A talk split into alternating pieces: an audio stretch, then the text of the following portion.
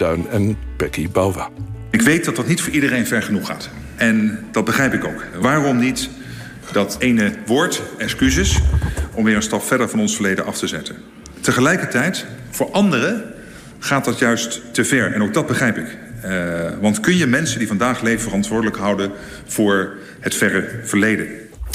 Al dus onze premier afgelopen woensdag in het Kamerdebat over institutioneel racisme... in reactie op de roep uit de Tweede Kamer om excuses voor het slavernijverleden.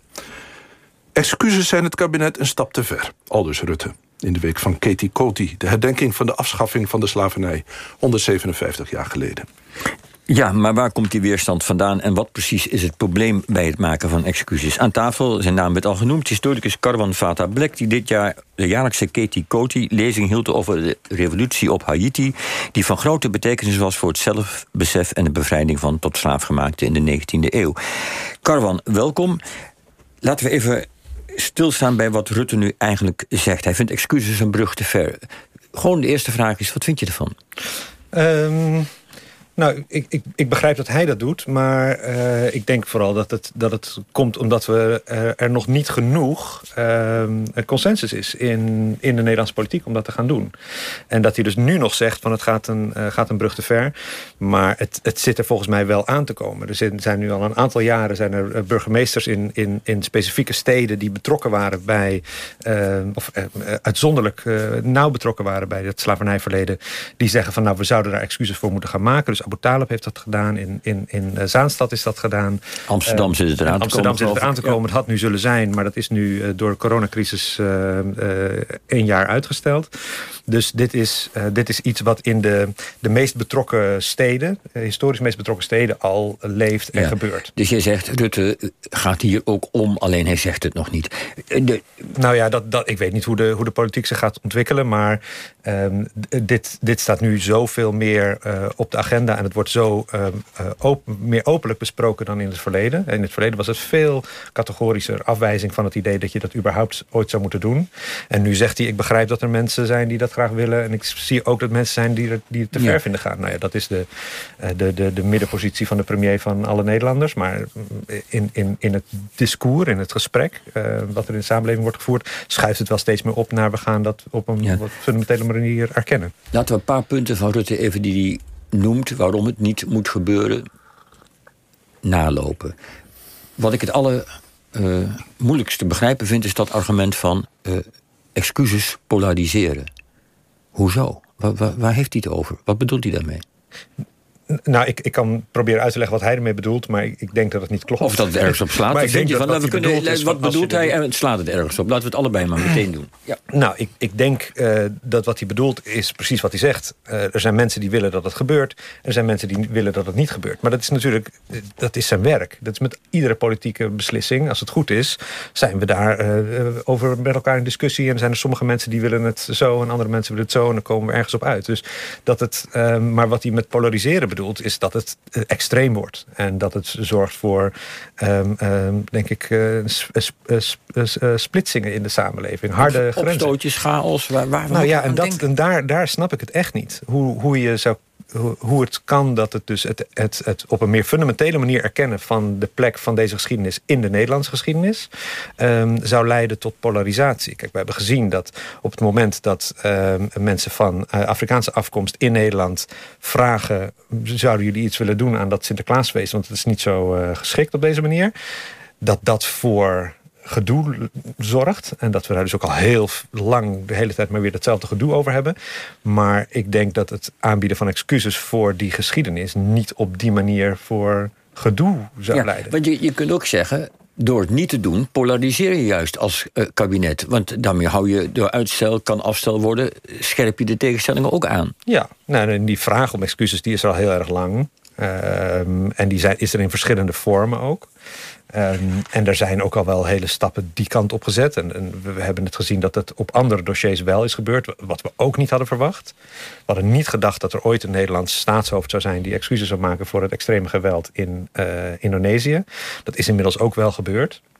Dus ja, dat, dat, dat, dat is mogelijk. Dat heeft niet tot heel veel polarisatie geleid. Er waren mensen wel heel erg boos over uh, die excuses voor dat geweld in Indonesië. Maar dat is echt een kleine, dat is echt een kleine groep. En de grote meerderheid denkt toch van ja, nou ja, als daar iets mis is gegaan, dan moet je dat kunnen benoemen. En, en, en als, eh, ja, als, als, staat ook zeggen van nou, dat is. Uh...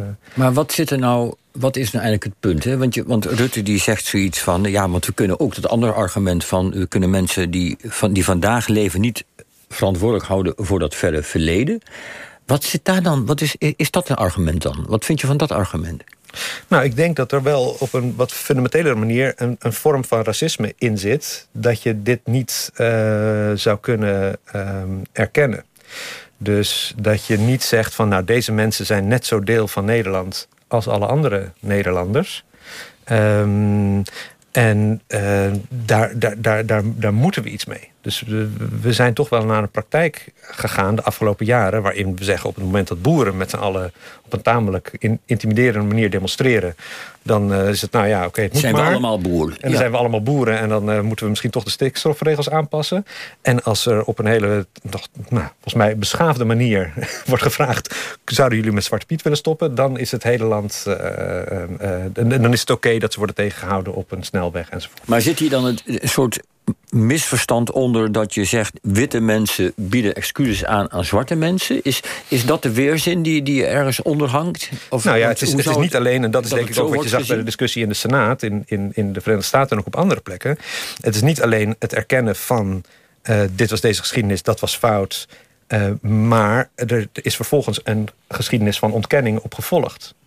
En zoals de burgemeester Halsema dat zegt in haar uitleg over waarom dit toch wel een goed idee zou zijn, is we willen niet nog een hoofdstuk van ontkenning toevoegen. Dus dat betekent dat we, uh, dat we niet alleen iets zeggen over dat slavernijverleden, maar ook over racisme dat daarna niet is opgelost, machtsongelijkheid die niet is opgelost en al die andere vormen van nou ja, erfenis van dat, uh, van, dat, van dat verleden.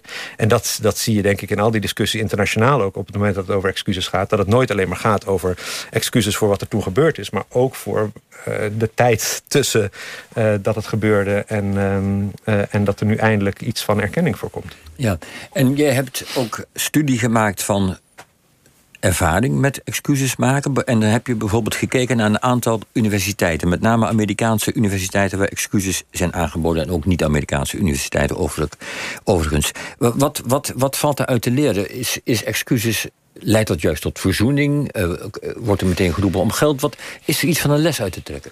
Zijn er voorbeelden? Nou, het is... Uh, je, je, je, je ziet denk ik dat het voor de gemeenschap van nazaten heel betekenisvol is. Um, en dat er echt een soort last van mensen afvalt. En dat is denk ik heel mooi dat dat zo is. Um, dus dat, dat is iets heel krachtigs wat ermee gedaan kan worden. Dus uh, University of Virginia, die 272 mensen heeft verkocht in de jaren 30 van de 19e eeuw om een gat op hun begroting te dichten. Daar is excuses aan gemaakt. En nu hebben de nazaten van die 272 die hebben legacy admission uh, voor die, uh, en, voor die, en die hebben ze gevonden, die nazaten? En die mensen zijn, dat, daar hoort onderzoek bij, dus die moet je, ga je zoeken en dan zeg je van nou in deze. Wat is legacy admission? Legacy admission, dat is een, een, een, een heel merkwaardig Amerikaans systeem. als je in, in het verleden een keer een heel groot bedrag hebt gedoneerd aan een universiteit, dan is het voor jouw nazaten makkelijker om uh, die universiteit binnen te komen. Oh ja. Dus je zegt, ja, deze 272 mensen hebben een hele grote bijdrage geleverd. Uh, onvrijwillig.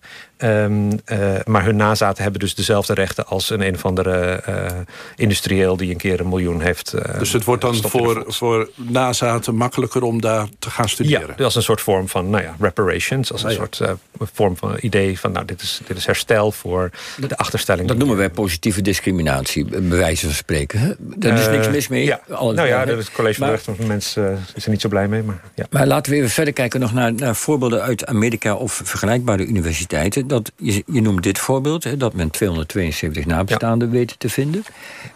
In algemene zin, wat valt er uit te leren? Bijvoorbeeld, als, wat doen universiteiten om, om aan goedmaking als het ware? Um, nou, dit is, een, dit is een heel specifiek Amerikaans voorbeeld. Je ziet in, in Glasgow uh, bijvoorbeeld dat de universiteit daar heeft gezegd van... nou, we hebben um, zoveel geld verdient aan slavernij en slavenhandel destijds. En dat is de basis geweest van onze universiteit. Dat is een enorm bedrag. Ehm, en daar zijn wij mee, mee opgebouwd. En tegelijkertijd heeft dat gezorgd voor enorme achterstand en, en, en, armoede in Jamaica. wat wij nu willen is ehm, een, een soort duurzame relatie met de University of the West Indies. En we gaan heel veel geld steken in het, het helpen opbouwen van de University of the West Indies. En die University of the West Indies is verspreid over een aantal campussen door het Caribisch gebied. En dan zeggen ze, nou, dit is van uh, reparatory justice. Dus uh, we, we, gaan, we gaan die relaties aan en we gaan uh, daar geld in steken. Um, we stellen een leerstoel in, de wisselende leerstoel die op verschillende wetenschappelijke terreinen die, die nawerking gaat onderzoeken. Maar wat je dus eigenlijk zegt, wat dat voorbeeld laat zien, is dat je kunt excuses maken voor slavernij. Dat is één stap. Ja. En de stap die daarop zou kunnen of misschien wel moeten volgen... is dat je aan een soort hersteloperaties doet... ten opzichte van de gemeenschap die benadeeld is ooit door de slavernij. Is dat wat, wat, wat, wat een normale patroon is? Eén, excuses. Twee, mm. iets gaan doen? Ja, maar niet altijd. Dus er zijn ook kerken die uh, excuses hebben gemaakt... voor hun rol in de slavernij. Um, en die hebben dan niet uh, vervolgens een heel duidelijk programma... van en nu gaan we daar dus ook uh, geld zou, zou het wel moeten?